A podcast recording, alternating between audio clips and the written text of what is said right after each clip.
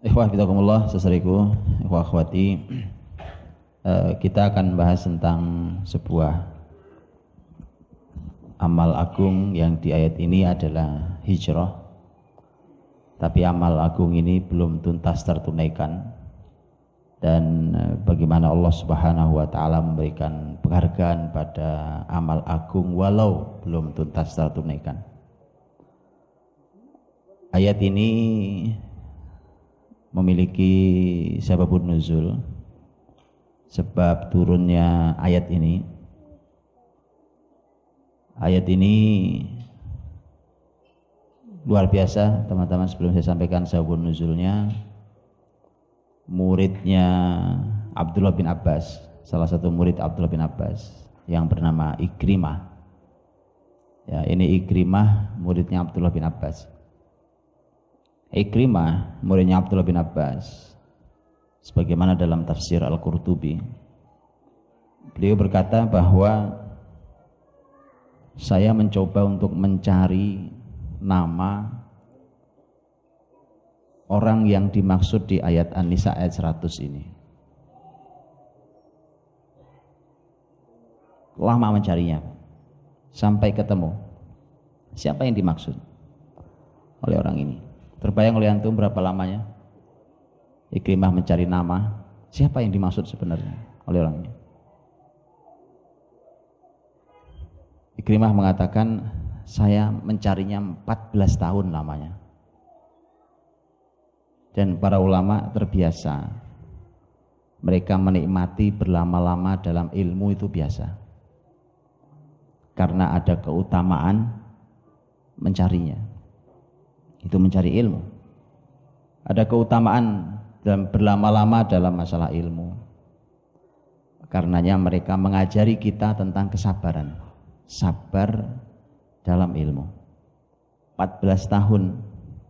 Antum kalau 14 tahun nyari satu nama. Ya. Dan begitulah para sahabat. Umar bin Khattab semua antum tahu. Belajar surat Al-Baqarah Tadaburnya 12 tahun. Abdullah bin Umar anaknya 8 tahun. Abdullah bin Abbas sendiri ahli Quran. Berapa lama beliau mencoba untuk mengetahui siapa nama wanita? Ya, nama wanita. Dua wanita yang disebutkan Allah dalam surat At-Tahrim. Ya, karena yang tahu adalah Umar, Abdullah bin Abbas ingin bertanya pada Umar tapi selalu tertunda karena Abdullah bin Abbas mengatakan karena wibawa Umar itu membuat saya tidak terlalu berani untuk bertanya ke beliau. Ya. Lama sekali. Jadi begitu subhanallah. Tapi terus dicari, dikejar itu ilmu. Bukan bukan orang nggak ada kerjaan, Pak. 14 tahun nyari nama kan. Bukan tidak ada kerjaan, itu pekerjaan besar. Itu pekerjaan besar itu kemuliaan. Jadi selama apa pun kita belajar, maka itu uh, adalah merupakan kemuliaan dan keistimewaan. Ikrimah kemudian menceritakan tadi bahwa 14 tahun dia mencari nama siapa yang dimaksud oleh ayat ini. Karena ayat ini ada sebab nuzulnya. Sebab ayat ini turun terutama di penggalan yang uh, yang kedua ومن يخرج من بيته مهاجرا إلى الله ورسوله ثم يدركه الموت فقد وقع أجره على الله siapa yang hijrah hijrah pergi menuju keluar dari rumahnya untuk hijrah menuju Allah dan Rasulnya maka kemudian di tengah jalan dia meninggal maka sudah pasti pahalanya Allah yang menjamin Siapa orang yang istimewa ini? Ya, karena khusus di penggalan ini temanya menjadi khusus setelah permulaan pembukaan suratnya pembukaan yang umum. Wa may yuhajir fi sabilillah yajid fil ardi muragaman katsira wa sa'ah. Siapa yang berhijrah di jalan Allah maka dia akan mendapati uh, akan mendapati banyak tempat hijrah yang lapang yang luas juga kelapangan rezeki Para ahli tafsir dalam tafsirnya berbeda-beda tentang nama, tapi berpusar di orang itu. Ya. Dan Ada yang mengatakan namanya ada adalah Domroh ibn Jundub. Ada yang mengatakan namanya Jundub ibn Domroh. Ada yang mengatakan namanya Domroh ibn Abil Is dan seterusnya. Berpusar pada nama itu. Yang menunjukkan bahwa di dalam di dalam e, sejarah bahwa ini orang yang tidak terlalu dikenal. Tidak, tentu tidak seterkenal nama Abu Bakar, Umar, Uthman, orang sepakat. Nah itu Ali. Domrah ambil kalau kita sebut namanya Domrah. Domrah bin Jundub radhiyallahu anhu ini adalah orang Mekah yang sudah tua, usianya sudah tua. Karenanya dia memiliki alasan untuk tidak hijrah. Ketika perintah hijrah datang untuk hijrah ke Madinah, beliau tidak hijrah karena tua, gak kuat, perjalanannya gak kuat. Padang pasir perjalanan hampir 500 kilo Mekah Madinah gak kuat. Karena itu menjadi sebuah alasan penting untuk memang tidak perlu. Dan Allah meringankan itu memang. Tapi kemudian ketika Domroh ini mendengar ayat eh, ayat yang dua sebelumnya. Dua ayat yang sebelumnya atau tiga sebelumnya 97 98 di ayat 98 di ayat 97 Allah tidak memberi alasan pada siapa pun yang melakukan dosa dengan alasan mereka eh, tertekan di Mekah. Karena Allah Subhanahu wa taala menyampaikan tidak ada alasan. Karena Allah menjawab alam takun ardullahi wasi'ah fatuhajiru fiha. Bukankah bumi Allah luas maka kenapa kalian tidak hijrah? Tidak ada alasan. Jadi tidak ada alasan kalau tempat lain masih ada, tidak ada alasan untuk saya tidak sanggup, makanya saya berbuat salah, berbuat dosa segala macam gara-gara ditekan di tempat ini dan seterusnya. Dan itu jadi pelajaran besar buat kita. Tapi Allah ringankan. Allah ringankan di ayat 98 itu. Illal mustad'afin minar rijal. Wan nisa wal wildan. Bal wildan la yastati'una hilata wa yahtaduna sabila. Kecuali orang-orang yang sudah lemah dari kaum laki-laki atau juga perempuan atau anak-anak atau anak-anak di mana mereka tidak ada tidak berdaya untuk itu. Wala yahtaduna sabila juga mereka tidak tahu jalan untuk hijrah. Jalan ke Madinah gak ngerti. Begitu mendengar ayat ini Domroh anhu beliau mengatakan saya memang sudah tua, bahkan sakit saat itu. Tetapi saya tahu jalan. Karena penutup penutup ayatnya adalah wala yahtaduna sabila. Mereka-mereka yang diizinkan Allah itu karena nggak tahu jalan. Orang-orang lemah, perempuan, anak-anak tidak bisa, tidak punya kekuatan dan tidak tahu jalan. Domroh mengatakan saya tahu jalan. Kalau ke Madinah saja saya tahu jalannya. Walau jauh saya tahu jalannya. Karenanya itu membuat Domroh kemudian berkata pada keluarganya, siapkan kendaraan saya, saya mau meninggalkan Mekah ini ke arah Madinah sambil menuju ke Madinah dengan saya mau ke Madinah. Disebutkan dalam riwayat lain bahwa Domroh ini ketika memutuskan untuk tidak hijrah karena sudah tua, tinggal di Madinah, sudah beriman tapi tidak hijrah. Lama-lama tidak tahan dengan Mekah. Masyarakat namanya orang beriman, orang beriman hidup di tengah masyarakat rusak, nggak nyaman. Bayangkan, itu semakin tersiksa ketika dia membayangkan betapa indahnya Madinah. Hidup bersama Nabi dalam masyarakat yang baik, masyarakat yang islami, lingkungan yang kondusif begitu. semakin tersiksa umroh itu.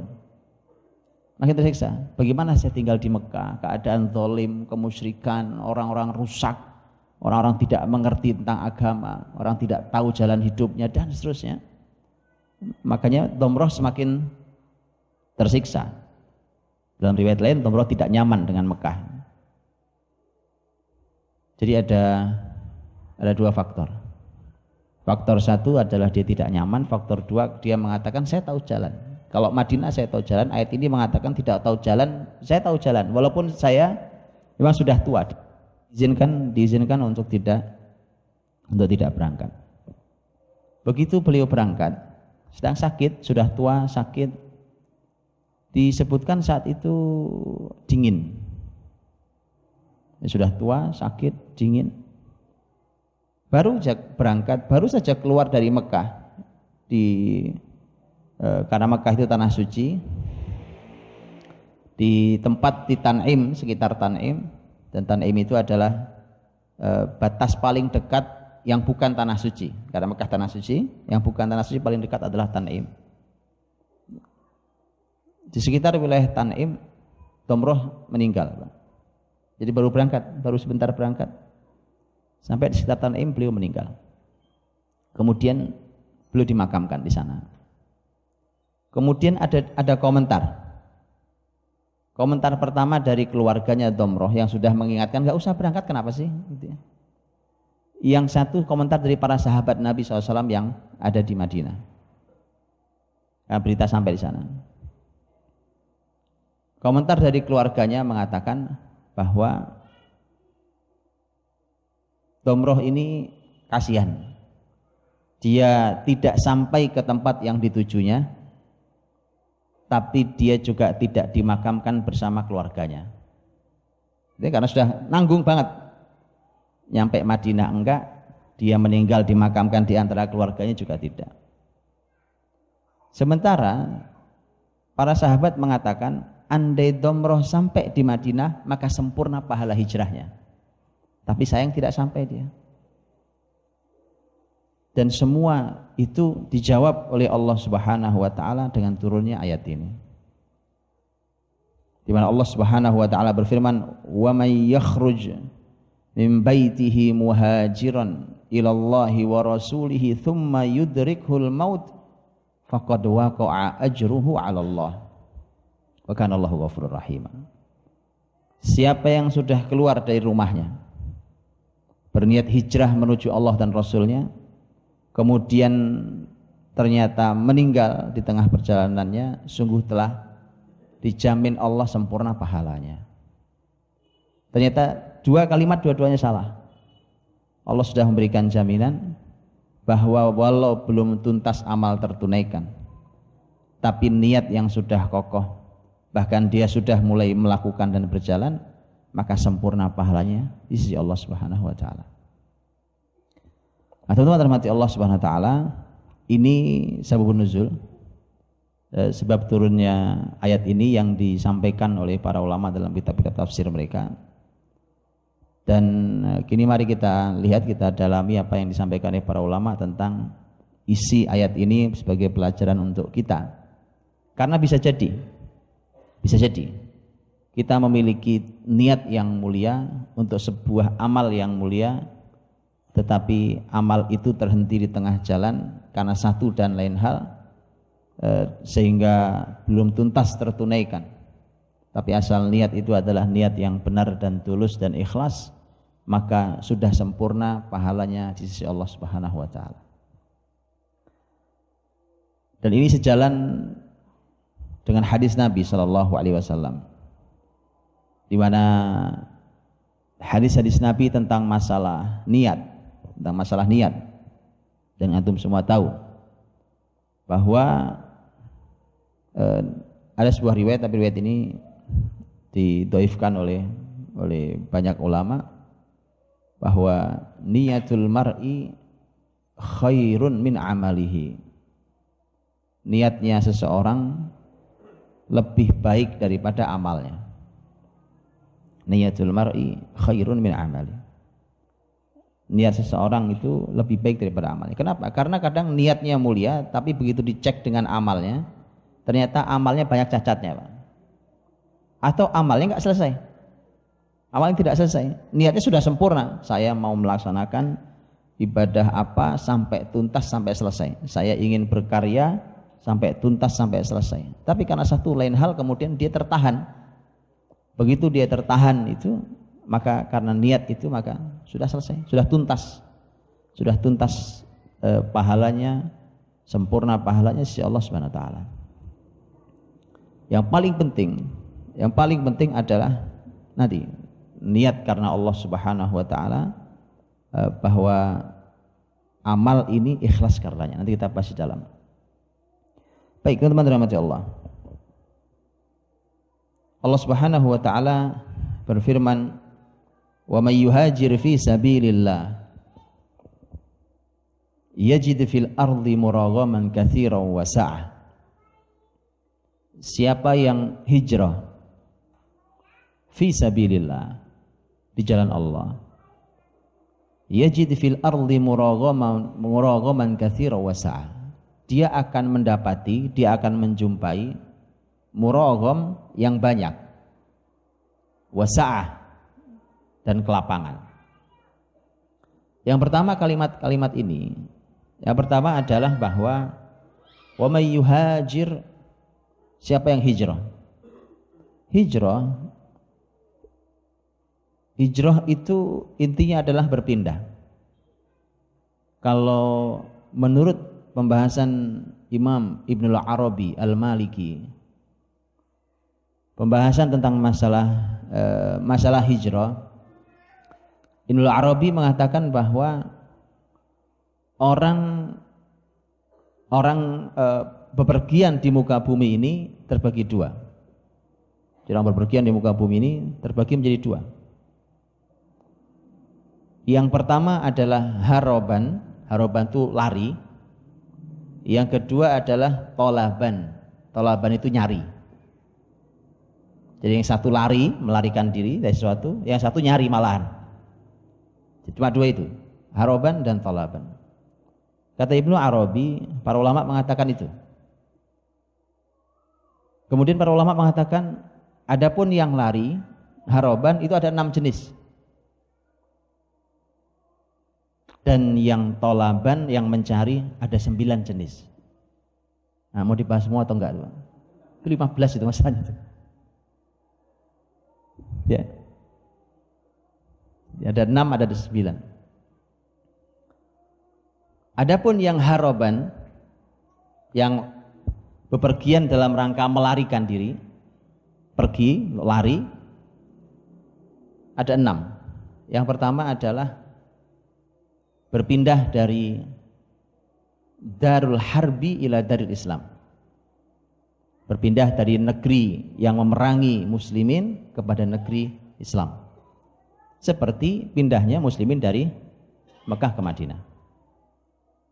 Dari harb ila dari Islam. Yang kedua adalah yang kedua adalah kalimatnya di antaranya kalimatnya Imam Malik. Imam Malik rahimahullah taala mengatakan bahwa kata beliau tidak boleh tinggal di negeri di mana eh, di mana salafus soleh dicaci maki yang kalau disimpulkan oleh kalimat Ibnu Arabi adalah bahwa negeri negeri yang merupakan negeri bid'ah. Karena mencaci maki para sahabat, mencaci maki salafus soleh adalah bagian dari bid'ah.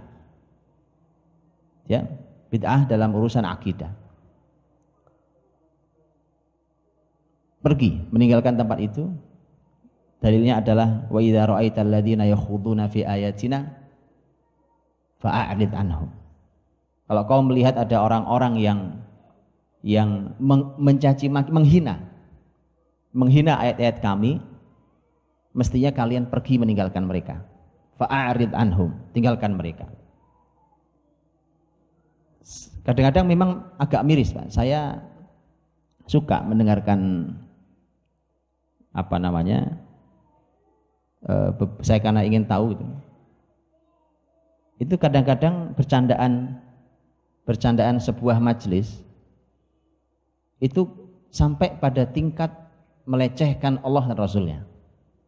Majelis, majelis, apa pun atas namanya itu. Itu sampai melecehkan Allah dan Rasulnya. Pak. Jadi guyonan memang, akhirnya di guyonan jadi tertawa bersama-sama. Dan eh, tentu tadi ketika ayat Allah menjadi bahan ejekan, bahan hinaan dan seterusnya diminta kita untuk pergi. Itu yang kedua. Yang ketiga adalah dari negeri lari dari negeri yang kebanyakan adalah haram. Di negeri itu kebanyakan haram. Atau di tempat itu kebanyakan haram. Anda bekerja di sebuah tempat. Ya, kalau di rata-rata yang halal sih ada Pak, tapi ini kebanyakan haram. Investasinya haram apa haram. Para ulama katakan pergi aja. Pergi Pak.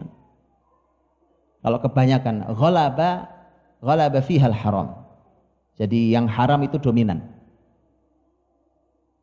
Imam Ibn Arabi mengatakan bahwa pergi di tempat itu.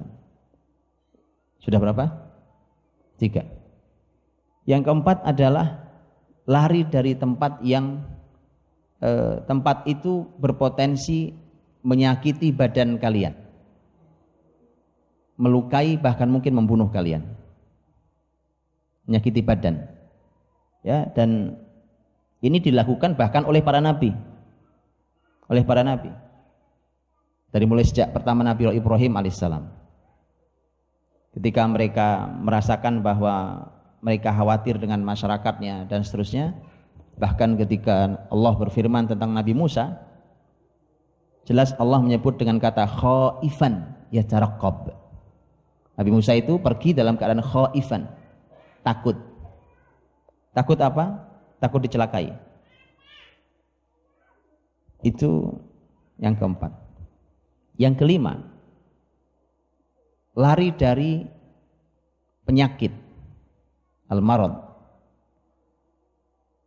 Kecuali taun. Karena kalau khusus taun, taun itu wabah penyakit yang sedang mewabah di sebuah tempat seperti yang pernah terjadi di Eh, Palestina di masa Khalifah Umar, Ta'un Amwas. Amwas nama tempat di mana sangat cepat orang meninggal dalam jumlah yang sangat banyak muslimin meninggal gara-gara ta'un. Maka Umar yang ingin berangkat ke Palestina membatalkannya. Membatalkannya karena eh, diingatkan dengan hadis Nabi Shallallahu alaihi wasallam bahwa kalau sedang terjadi taun ya wabah penyakit yang seperti itu maka orang yang ada di tempat itu tidak boleh keluar yang tempat wabah itu dan orang yang dari dalam tidak yang dari luar tidak boleh masuk ke dalam. Itu sebenarnya karantina. Tapi kemudian Umar diprotes juga sama sebagian orang. Ada yang mengatakan Umar anda takut? Urusan mati sok doang mah takut ya kan urusan penyakit anda takut kata Umar bukan itu apa anda lari dari dari dari takdir Allah Umar Umar mengatakan saya lari dari takdir Allah menuju takdir Allah karena memang Nabi melarang kalau itu. Ya, Nabi melarang kalau betul sudah terjadi. Tapi kalau kalau sekedar sebuah penyakit biasa kemudian orang tidak mau tinggal di situ sah dilakukan itu. Ya. Yang keberapa? Keenam, yang terakhir adalah harta. Ketika mereka harus menyelamatkan harta. Karena harta, kepemilikan terhadap harta di dalam Islam itu adalah kepemilikan yang sangat dihormati yang sangat dimuliakan bukankah Rasul Shallallahu Alaihi Wasallam yang bersabda bahwa bahwa orang yang mempertahankan hartanya kemudian ketika dia meninggal maka dia syahid itu artinya bahwa mempertahankan harta halalnya harta kepemilikan yang halal itu kalau sampai kemudian dia meninggal gara-gara itu malah syahid itu membuktikan bahwa Islam sangat memuliakan, sangat menghormati kepemilikan pribadi yang halal. Baik, kata Imam Ibnu Arabi itu enam yang hijrah, uh, maaf, enam yang yang haroban, yang sifatnya uh, sifatnya melarikan diri, melarikan diri. Baik, kemudian tadi saya katakan yang yang kedua yang kedua adalah tolaban. Nah, ini yang yang kedua. Yang sifatnya mencari. Jadi bepergian di muka bumi ini mencari. Ada sembilan. Yang pertama adalah safarul ibroh. Safar untuk mencari pelajaran. Ibroh, ngambil pelajaran. Ya, mengambil pelajaran safarul ibroh itu dalam ayat banyak. Dalam ayat banyak kita tahu bahwa Allah Subhanahu wa taala e, menyampaikan tentang ayat-ayat di antaranya awalam yasiru fil ard fayanzuru kaifa kana ladina min qablihim. Tidakkah mereka mau berjalan di muka bumi ini untuk melihat tentang generasi umat sebelum mereka jadi safarnya perpergian dia nyari, tapi nyari apa? Nyari ibroh. Mencari pelajaran. Jadi kalau antum pergi ke negeri mana pun dalam rangka mencari pelajaran itu itu halal dan bahkan itu perintah ayat.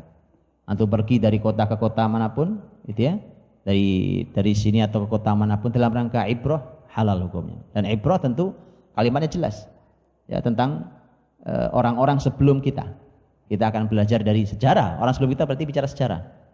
Tentang sejarah, eh, ini adalah perjalanan tarihi, perjalanan sejarah.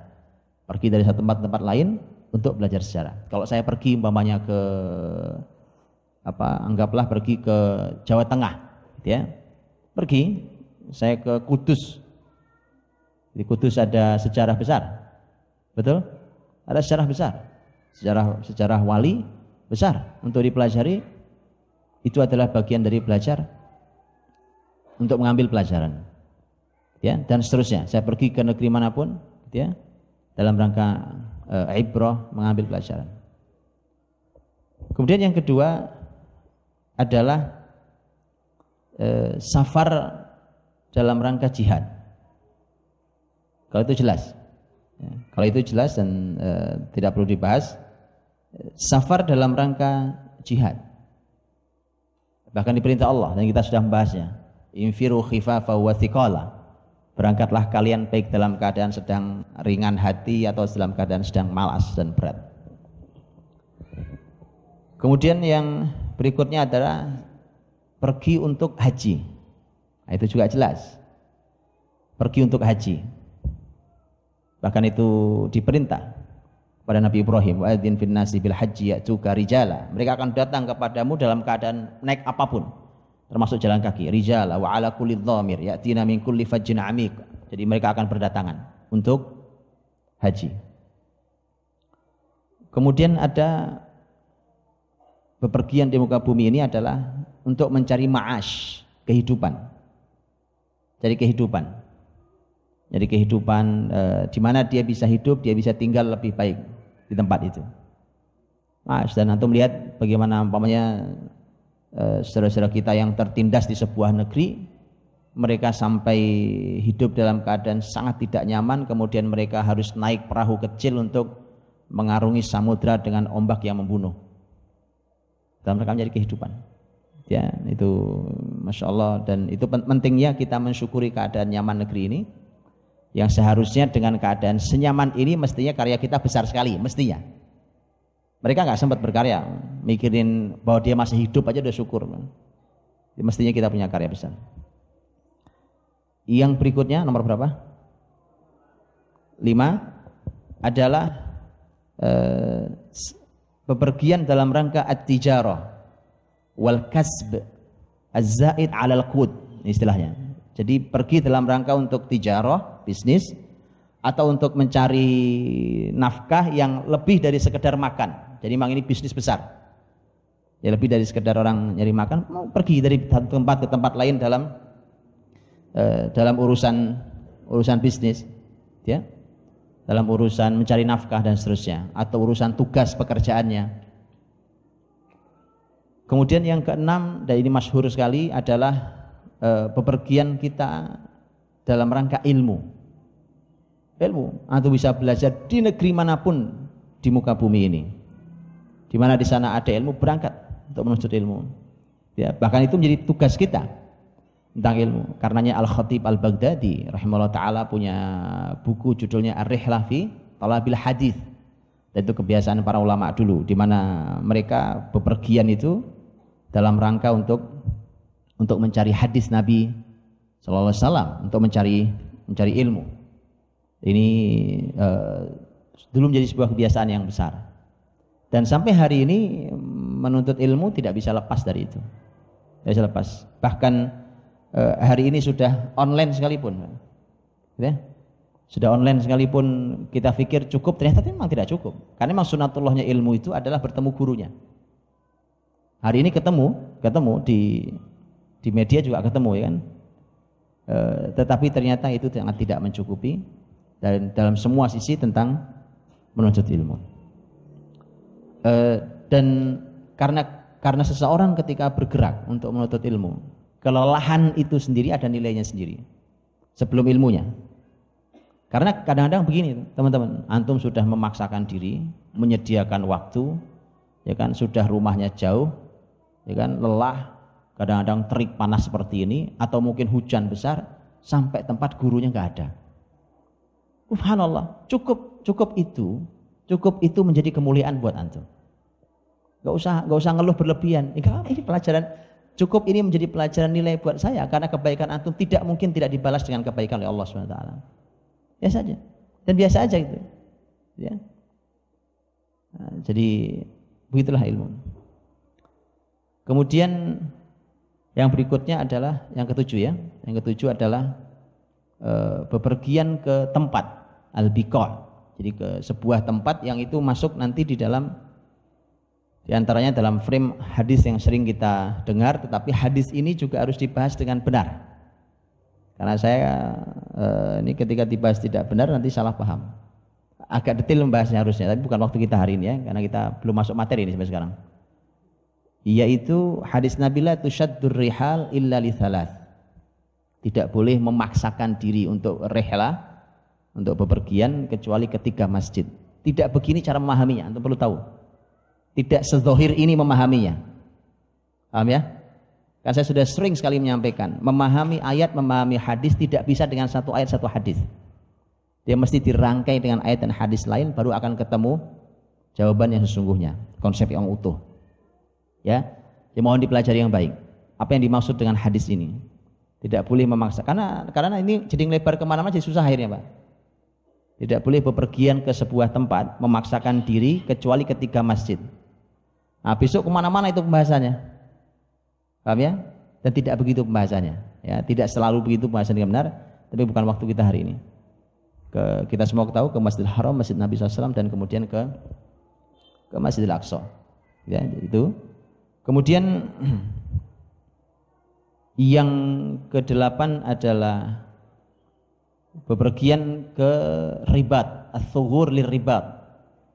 Pergi ke perbatasan, perbatasan negeri Islam dengan negeri kafir dalam rangka ribat. Ribat itu dalam rangka dia mengikatkan diri di sana uh, untuk menjaga sugur perbatasan, resikonya mati. Resikonya mati karena ini langsung berhadapan dengan musuh dan itu kita semua tahu bagaimana uh, pahala yang sangat besar dan agung uh, di dalam ribat visabilillah Ya, dia bertahan di sana dengan semua keadaan yang apa adanya dan dengan resiko yang sangat tinggi kapan pun bisa terjadi.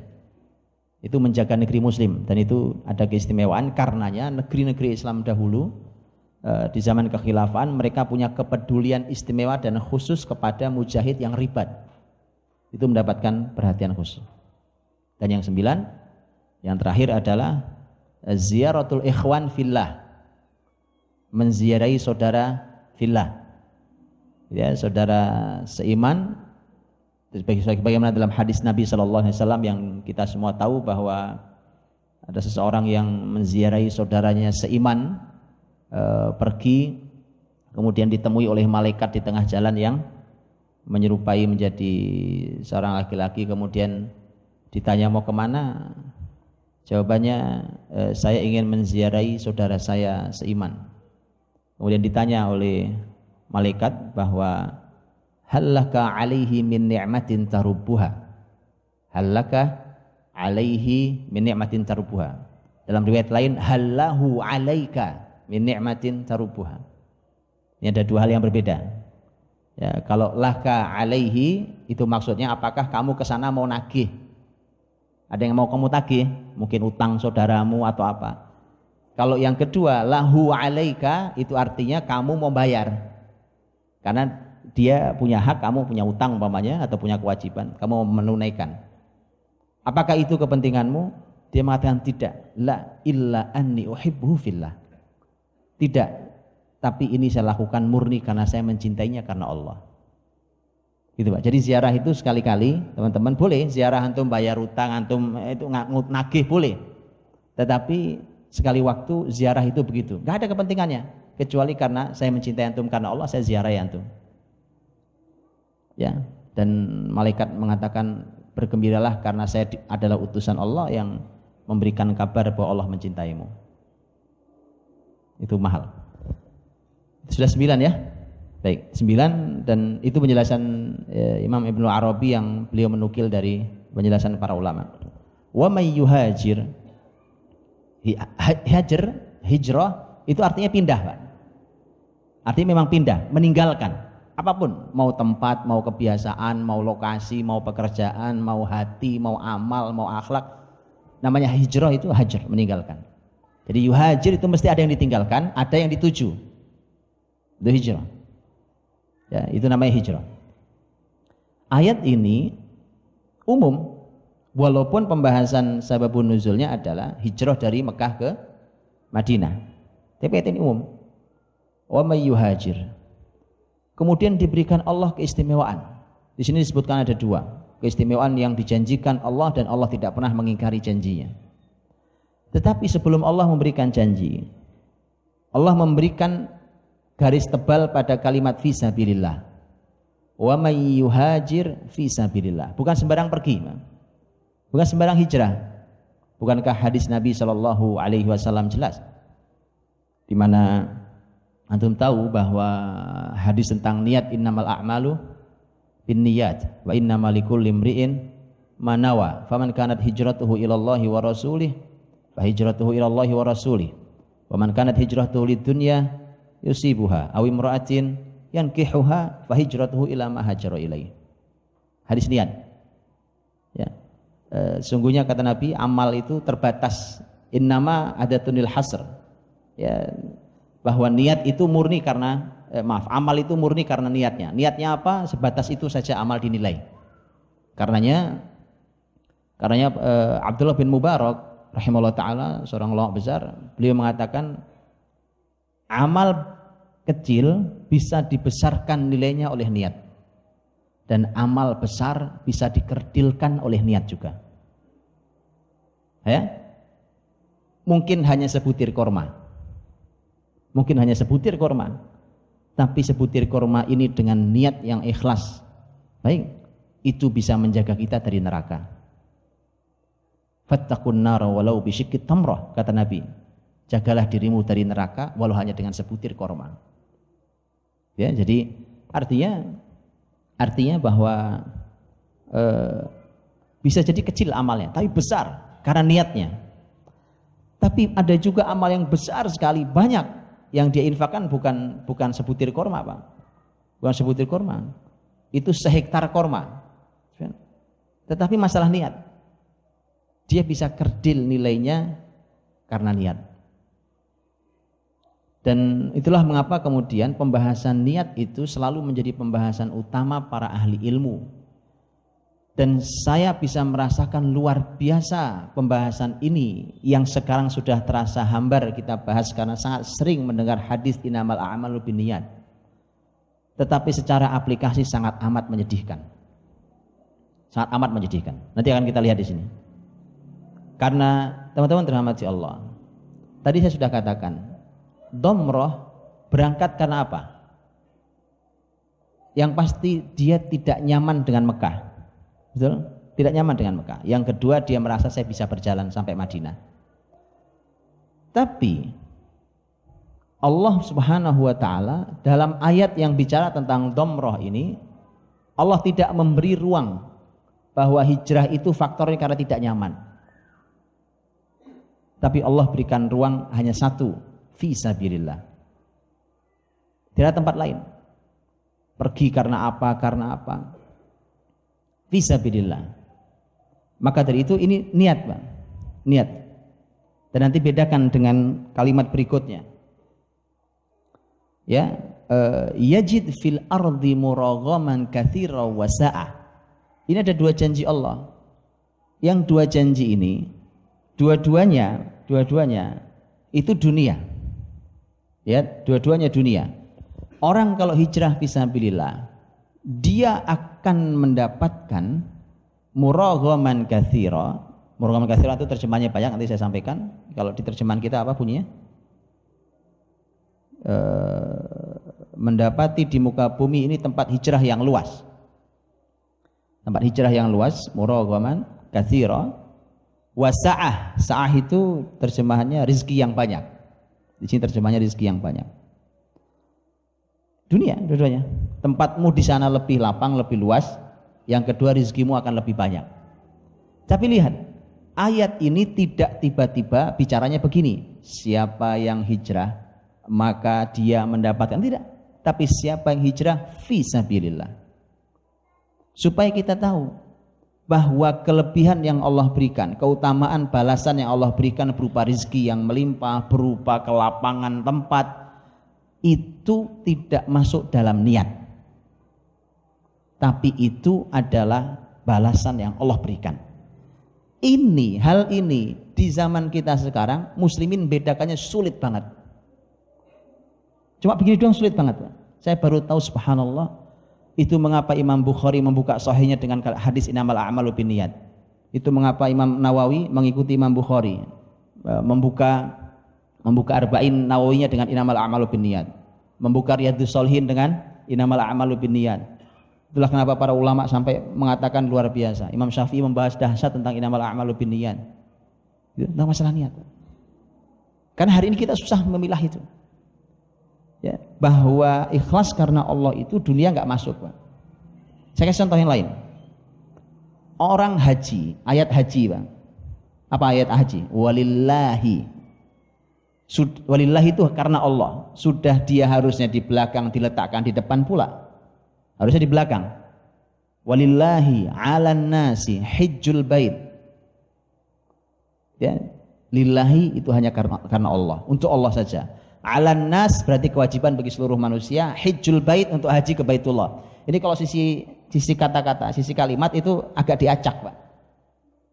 Tetapi lihat pembahasan intinya kan sebenarnya disuruh haji. Manusia kalian haji. Kewajiban loh buat kalian itu harus karena Allah. Karena Allahnya ditarik taruh paling depan. Walillah. Saking tidak diberikan ruang tidak diberikan ruang untuk niat yang lain Paham? Ini niat.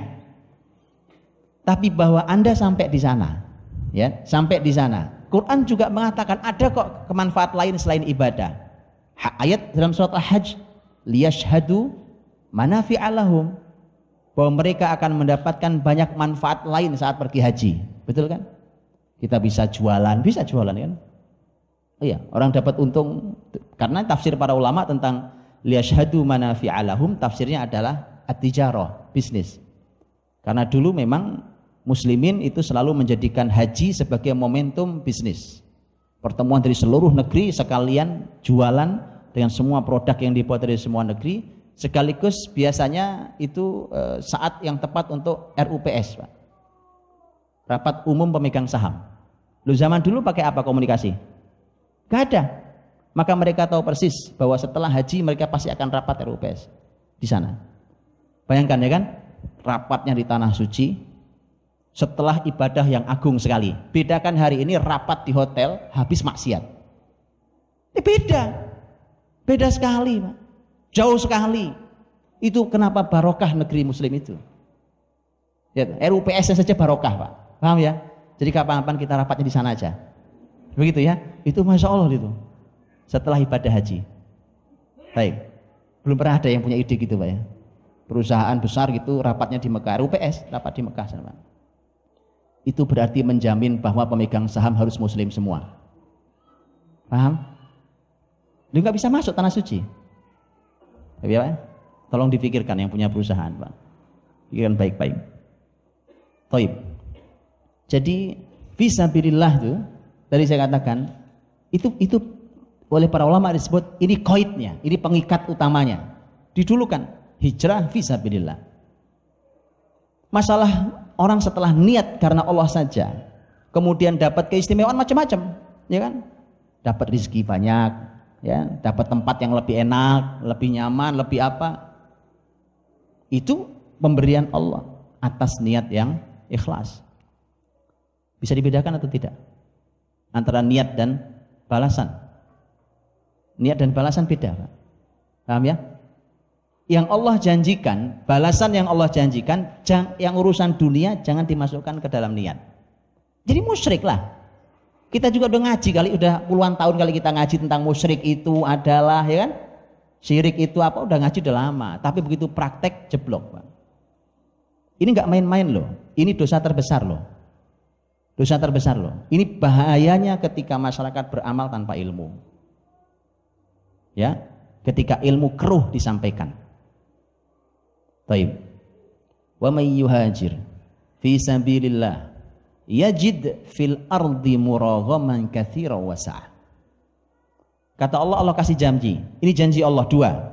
Yang hijrah Allah kasih janji dua. Pertama tadi muragham katsira. Tempatnya lebih luas kok, lebih lapang, lebih enak ya kan? Dan lapangan rezeki. Kenapa bunyinya begini janjinya? Mengapa tidak janji umpamanya siapa yang hijrah fisabilillah akan mendapatkan pahala yang tetap di sisi Allah, akan mendapatkan surga Allah, akan mendapatkan ampunannya, akan diangkat derajatnya. Kenapa enggak bukan itu? Kamu tahu? Para ulama mengatakan, para ulama tafsir mengatakan, karena ayat ini seakan menjawab keraguan banyak orang yang mau hijrah. Karena dalam hati mereka bertanya-tanya, apa saya harus tinggalkan kenyamanan Mekah apa saya harus meninggalkan kenyamanan bisnis yang sudah besar? Baik, bagaimana dengan rezeki saya di sana, di Madinah? Dan semua orang Madinah tak, semua orang Mekah tahu Madinah itu tingkat perekonomiannya kayak apa? Tidak sehebat Mekah. Semua orang juga tahu, Pak. Apalagi orang Madinah, orang apalagi orang Mekah. Orang Mekah itu kalau orang Madinah datang aja diejek-ejek, Pak. Itu ada orang penyakitan datang. Itu ejekan orang Mekah ke orang Madinah. Sekarang kami harus datang ke sana. Kami harus pindah ke negeri yang kayak begitu. Ya, semua keraguan itu dijawab Allah. Kalian hijrah, yang penting visabilillah niatnya, kalian tidak itu yang kalian jumpai. Yang kalian jumpai adalah muraghaman katsira wasa'ah. Dan Allah tidak pernah salah dan tidak mengingkari janjinya. Dan Madinah jelas lebih baik. Barokahnya dua kali Makkah. Sebagaimana dalam doa Nabi SAW, Allahumma ja'al barokatal Madinah dhi'fai Makkah. Ya Allah jadikan keberkahan Madinah dua kali keberkahan keberkahan Mekah. Jadi ini Bapak Ibu rahmati Allah SWT semacam sebuah jawaban untuk mereka yang yang masih bertanya. Allah beri jawaban. Sudah, tinggal saja. Kalau hijrah maknanya bukan hanya lokasi, bukan hanya tempat. Dan hijrah memang bermakna umum, meninggalkan apa yang Allah Allah larang. Dan tadi saya sudah sampaikan 15 poin tadi itu. Orang bepergian di muka bumi itu ya itu uh, ada 15 poin tadi itu semuanya itu ketika orang berpindah dari yang tidak baik ke tempat yang baik maka dia berhak mendapatkan dua hal ini. Ini sebuah janji. Orang bekerja di tempat yang tidak jelas. Subhat. Orang bekerja di tempat yang haramnya lebih banyak. Pindah. Kenapa tidak kenapa kemudian kenapa kemudian ragu? Kenapa tidak segera pindah? Karena tempat di mana Anda pindah akan akan Anda jumpai muraghaman katsira wasa. Baik, kalau gitu muraghaman katsira itu apa? Supaya kita segera tahu. Allah janjikan dua, ini luar biasa loh. Jadi yang yang masih ragu untuk pindah gitu ya. Kalau memang harus pindah. Berpindah dari negeri yang kafir ke negeri Islam. Gitu ya. Berpindah dari tempat yang banyak melakukan pelanggaran akidah. Ya, kepada negeri yang lebih baik, kepada tempat yang lebih baik. Pindah dari tempat, dari pekerjaan, dari apa pun, dari komunitas, dari lingkungan dan seterusnya. Maka Allah, saya tunjukkan dua janji Allah yang luar biasa. Yang pertama adalah muragham. Kata muragham, muraghaman katsira. Kata raghm, raghm, rugham dalam bahasa Arab itu asli artinya tanah, Pak. Tanah. Dalam bahasa Arab kata rohmun, rohm itu kadang dipakai untuk kalau muncul kata rohma anf, rohma anf, rohm itu tanah, anf itu hidung. Ya, kalau disebut uh, rohma anfik itu terjemahannya jadi gimana tuh? Karena rogem artinya tanah, anf itu hidung, kanya itu kamu, ya kan? Rogma anfik. Dan ternyata menurut orang masyarakat Arab kata rogma anfik itu artinya adalah terserah masalah kamu terpaksa, kamu tidak suka, kamu harus jalani. Itu rogma anfik itu kamu tidak suka pun harus jalani. Baik, lo kok bisa begitu? Iya, karena rogem itu artinya tanah, hidung itu adalah posisi yang mulia pada manusia. Betul ya? Hidung posisinya kita tahu posisi yang mulia di wajah. Wajah ini sesuatu yang paling mulia karenanya kalau memukul kata Nabi harus dijauhi wajah dan seterusnya. Sekarang hidung yang mulia itu diletakkan sampai di tanah. Disungkurkan sampai sampai ke tanah. Artinya tidak suka kalian. Tapi harus dipaksa untuk melakukannya. Itu makanya kenapa orang Arab menyebutnya rogma anf. Dan itulah istimewanya sujud. Karena sujud itu sebenarnya menempelkan hidung di antaranya ditempelkan ke tanah. Lakukan itu, ya. Jadi murogom, terus apa arti murogoman kathiro? Kathiro artinya banyak ya. Murogom itu apa artinya? Murogom para ulama tafsir mengatakan begini. Rogom tadi artinya sesuatu yang terpaksa ya.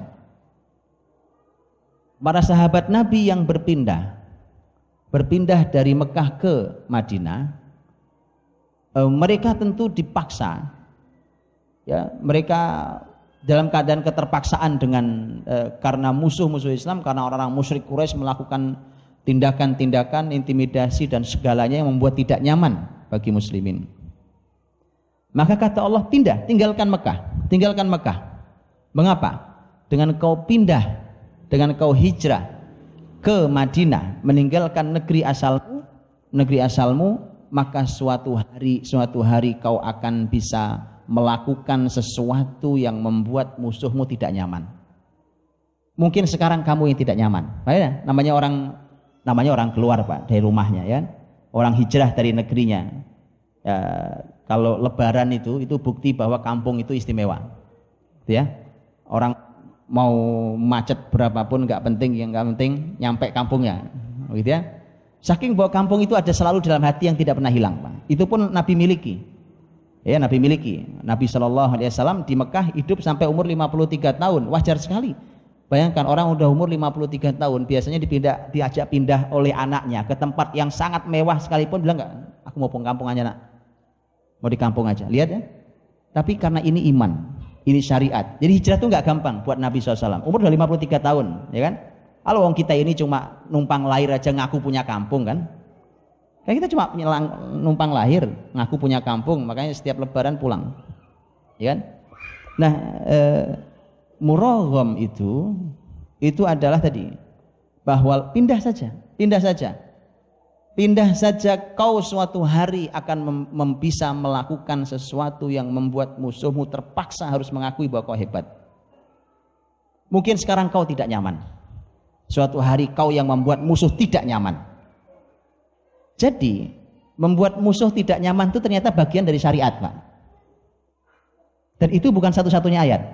Ya, ini bukan satu-satunya ayat. Antum buka surat At-Taubah 120. Itu malah nanti berhubungan erat dengan pembahasan berikutnya sebenarnya, tapi antum nanti bisa buka duluan. Ya, bahwa eh, antum buka dalam surat Al-Fat ayat terakhir yang sudah kita bahas kemarin itu memang membuat musuh jengkel. Oke? Okay? Itu ternyata memang bagian dari syariat. Ya, bagian dari sebenarnya dia adalah hasil dari karyamu yang luar biasa, gitu ya. Bukan ngisengin enggak, bukan ngisengin musuh jadi jengkel bukan, bukan bukan itu pembahasannya. Karena semuanya bermula dari karya. Dalam surat Al-Fat, dalam surat uh, Taubah, dalam ayat yang ini surat An-Nisa ini itu begitu. Dengan karya antum nih begitu musuh melihat musuh jadi jengkel. Jadi bukan bukan karena kita iseng musuh kan memang ini karya yang membuat mereka menjadi marah. Jadi murogom itu seperti dan tepat persis persis bahwa murogom murogoman kathiro dan kita semua tahu bahwa begitu muslimin hijrah ke Madinah, lihat tuh. Membuat orang-orang Mekah itu menjadi tidak nyaman akhirnya. E, mereka akhirnya malah kan kalau muslimin pergi dari sebuah tempat kan bayangan mereka udah aman nih, aman ya kan kita udah nggak berantem lagi sama mereka. Tapi muslimin itu kalau pindah dari tempat ke tempat lain itu musuh juga takut, Pak. Takut. Ini buktinya. Iblis sudah wanti-wanti kan? Iblis sudah mewanti-wanti masyarakat Mekah. Waktu rapat ada Abu Jahal dan teman-temannya. Kan sudah sudah wanti-wanti. Muhammad ini jangan sampai keluar dari Mekah. Iblis sudah sudah punya iblis kan orang yang pengalamannya panjang. Ya kan ini setan pengalaman panjang. Jadi iblis sudah bilang jangan keluar dari Mekah. Karena Muhammad akan membuat kekuatan yang besar yang suatu hari akan memasuki Mekah menyerang kalian. Dan iblis benar. Betul ya? Nabi hanya perlu delapan tahun setelah meninggalkan Mekah itu, kemudian eh, Mekah berhasil diambil alih dalam Fathu Mekah. Sepanjang delapan tahun itu musuh nggak nyaman sama Nabi, Pak. Padahal jarak 500 kilo ya sudah lah, kan masing-masing aja kan mestinya. Anda kan di sana, kita di sini enggak, Pak. Musuh itu mesti gelisah. Mesti gelisah luar biasa. Jadi antum-antum yang hijrah, teman-teman, kita semua yang hijrah dari yang tidak baik kepada yang baik, nggak usah khawatir.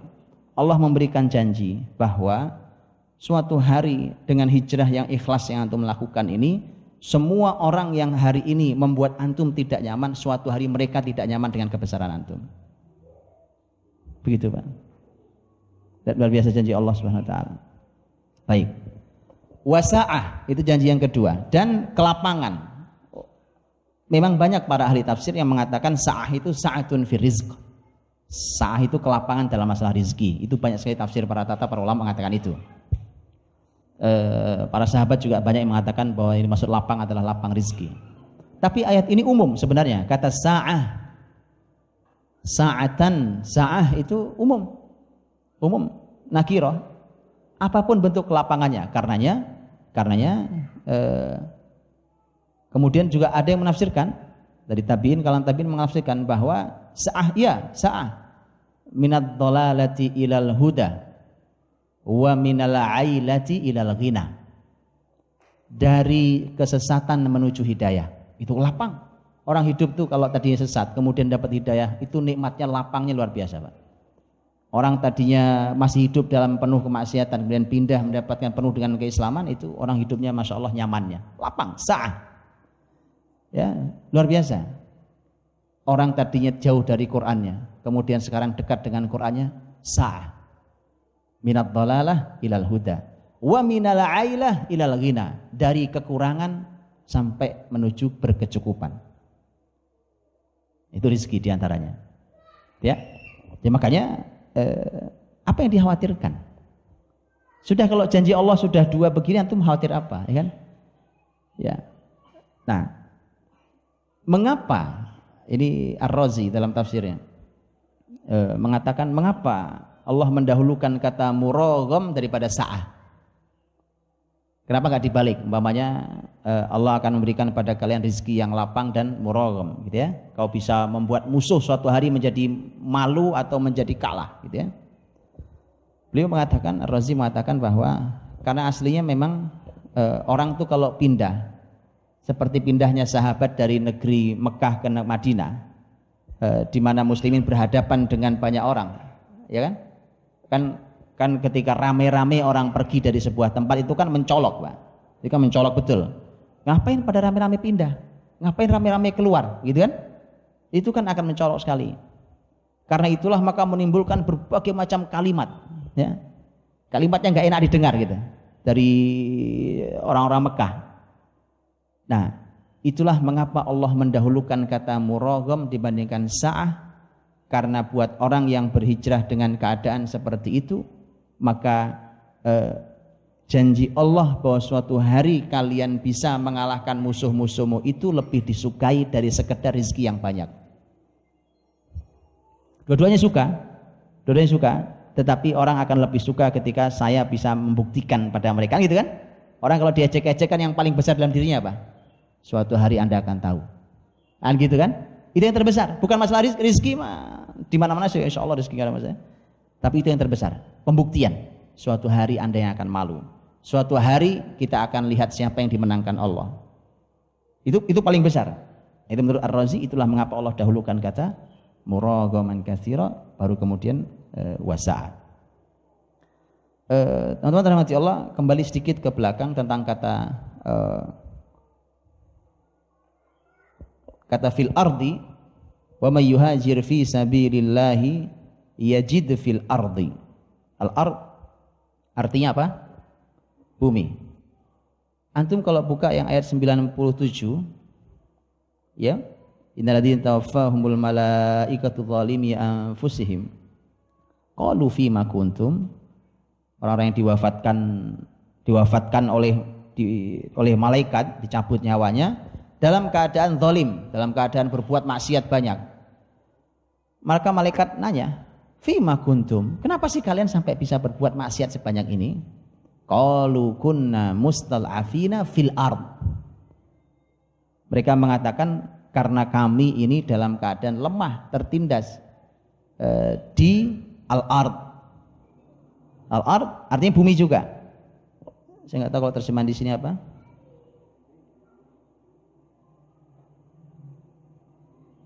Tertindas di negeri dalam kurung Mekah. Nah, gitu ya. Lihat, ini terjemahan benar. Karena memang pembahasan ini adalah pembahasan tentang para sahabat yang tertindas di negeri Mekah. Jadi sebenarnya teman-teman, lihat. Sebenarnya pembahasannya itu pembahasan tentang tentang Mekah.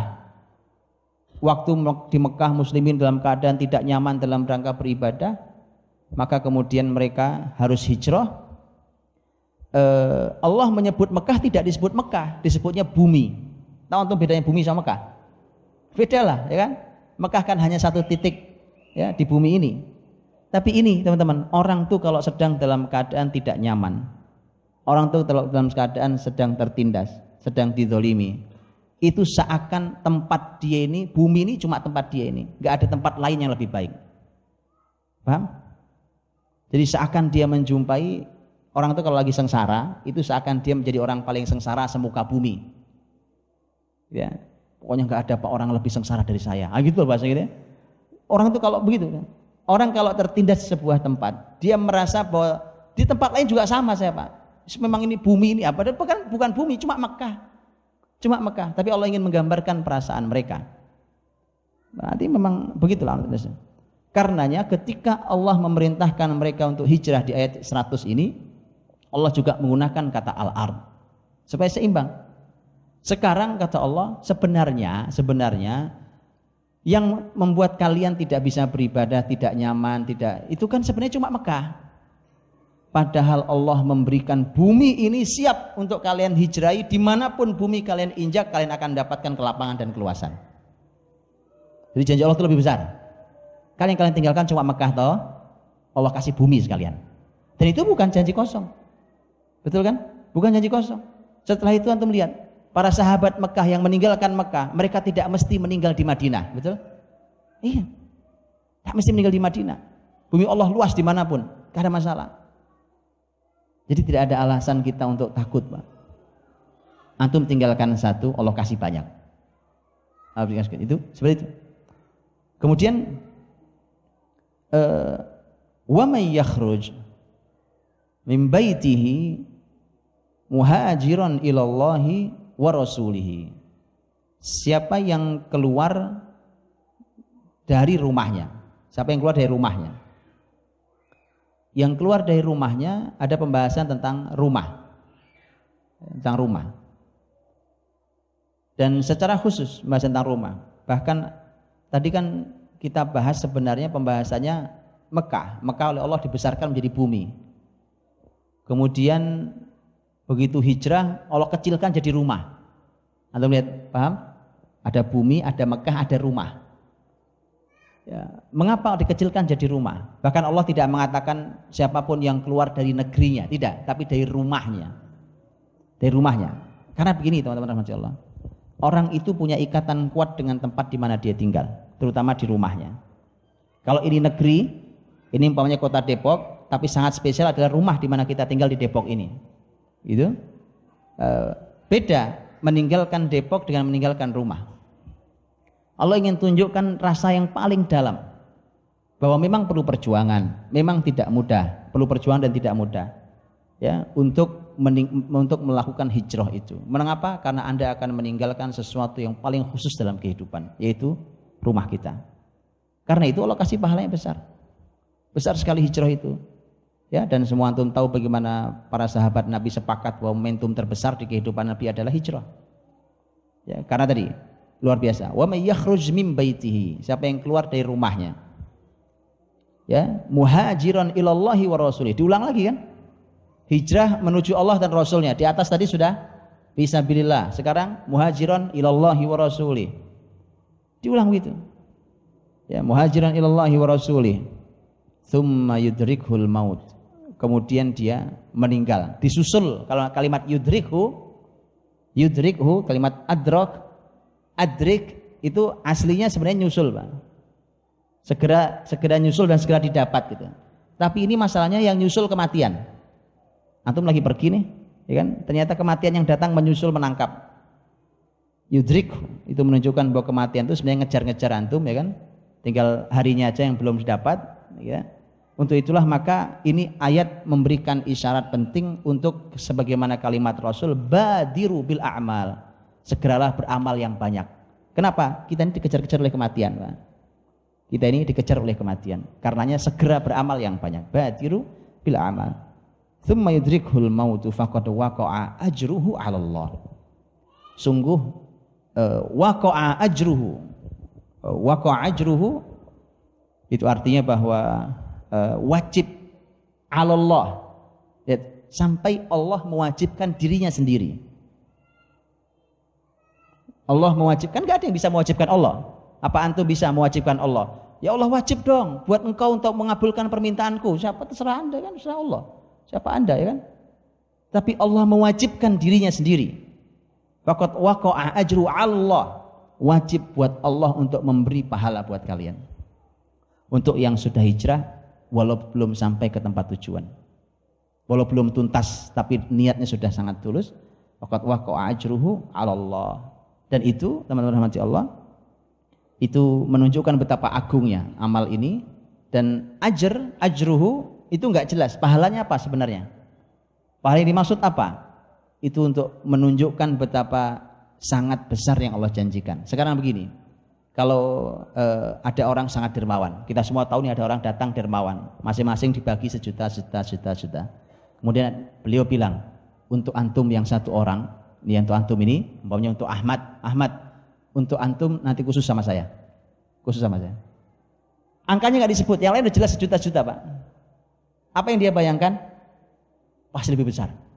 Itu orang dermawan manusia. Wallahu akramul akramin. Wallahu arhamur rahimin. Allah Maha dermawan, Allah dermawan lebih dermawan dari semua yang dermawan. Allah Maha kasih dibandingkan semua yang punya kasih. Ketika Allah katakan, sudah pokoknya balasannya ada di aku. Besar sekali. Fakat waqa'a ajruhu Allah wa kana ghafurur rahima dan Allah Maha Ghafur. Ghafur dikarenakan Allah Maha Pengampun, dikarenakan ada saja banyak cacatnya. Mungkin seperti domroh, domroh yang agak terlambat berangkat hijrah nggak segera berangkat umpamanya. Ada saja kekurangan kita. Allah Maha Pengampun. Tapi Allah juga Rahim. Allah Maha Pengasih.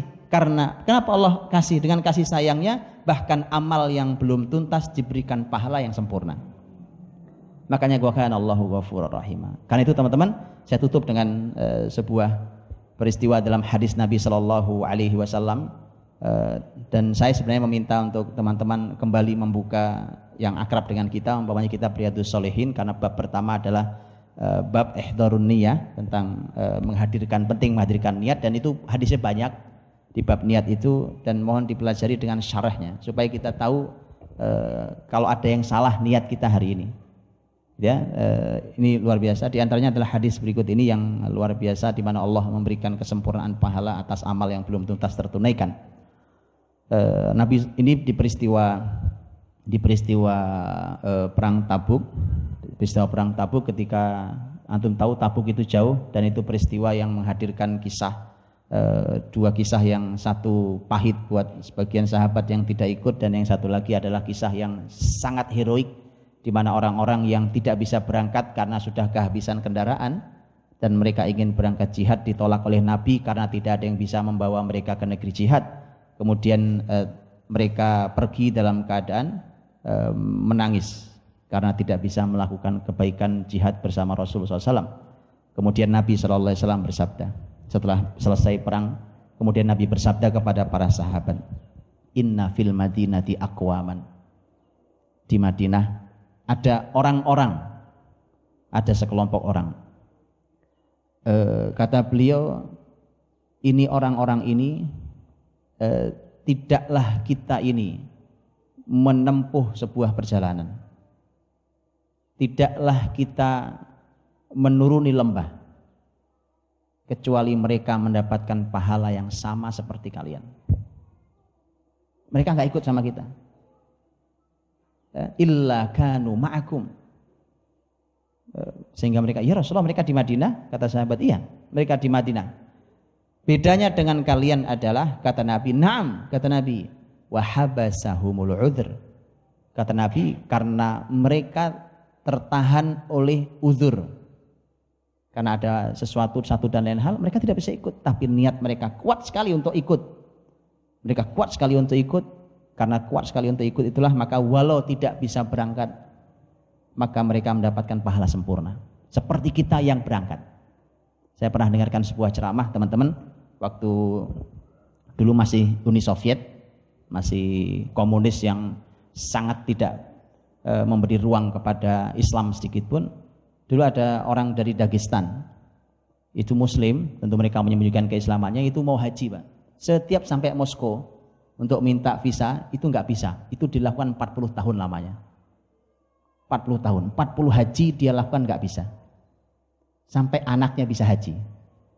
Anaknya ketemu seorang ulama Madinah, eh, Syekh Yahya Al-Yahya, kemudian menceritakan, andai ayah saya masih hidup. Kata beliau, kenapa kau katakan itu? Ayah saya sudah 40 haji berusaha dan tidak pernah dapat visa. Karena tidak pernah diizinkan oleh Moskow. Eh, kemudian jawaban ulama ini memang ulama luar biasa. Beliau mengatakan, ayahmu telah mendapatkan pahala 40 haji. Karena sudah berniat, sudah bergerak, Allah sudah sempurnakan hanya karena uzur maka tertahan dan tidak bisa menjalankannya. Teman-teman itu yang terakhir sekali adalah intastukullah yastuk. Kata Nabi, kalau kamu jujur pada Allah, betul jujur kalimat yang dikeluarkan, maka Allah akan membuktikan kalimat itu.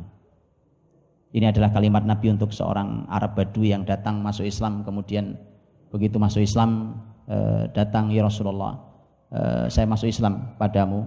Di sebuah peperangan Rasul menang di peperangan itu. Kemudian Rasul memberikan nitipkan gonimah bagi berikan gonimah ini pada Arab Badui yang masuk Islam itu.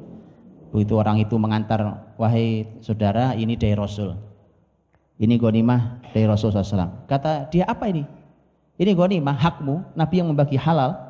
Dibawa ghanimah itu diterima oleh Arab Badui datang ke Rasul sallallahu alaihi wasallam dan berkata, "Ya Rasulullah, ma ala hadat taba'tuk." Bukan karena ini aku mengikutimu. Aku masuk Islam bukan karena pengen dapat ini. Innamat taba'tuk ala sahmin yaqauhuna hahuna.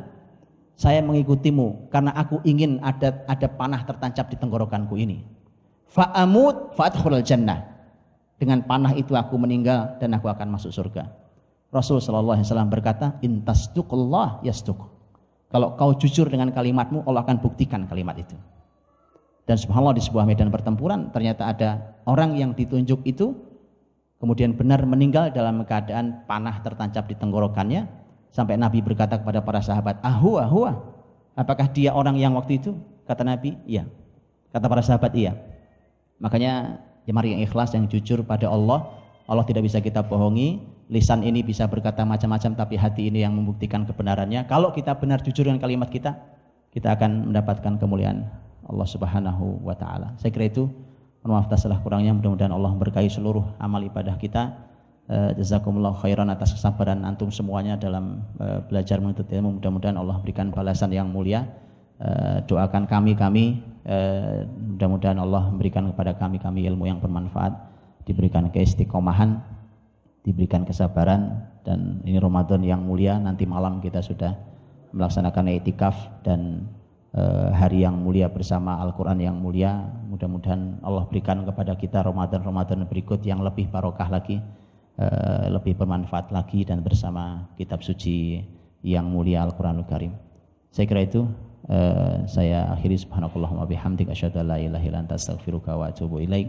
Assalamualaikum warahmatullahi wabarakatuh.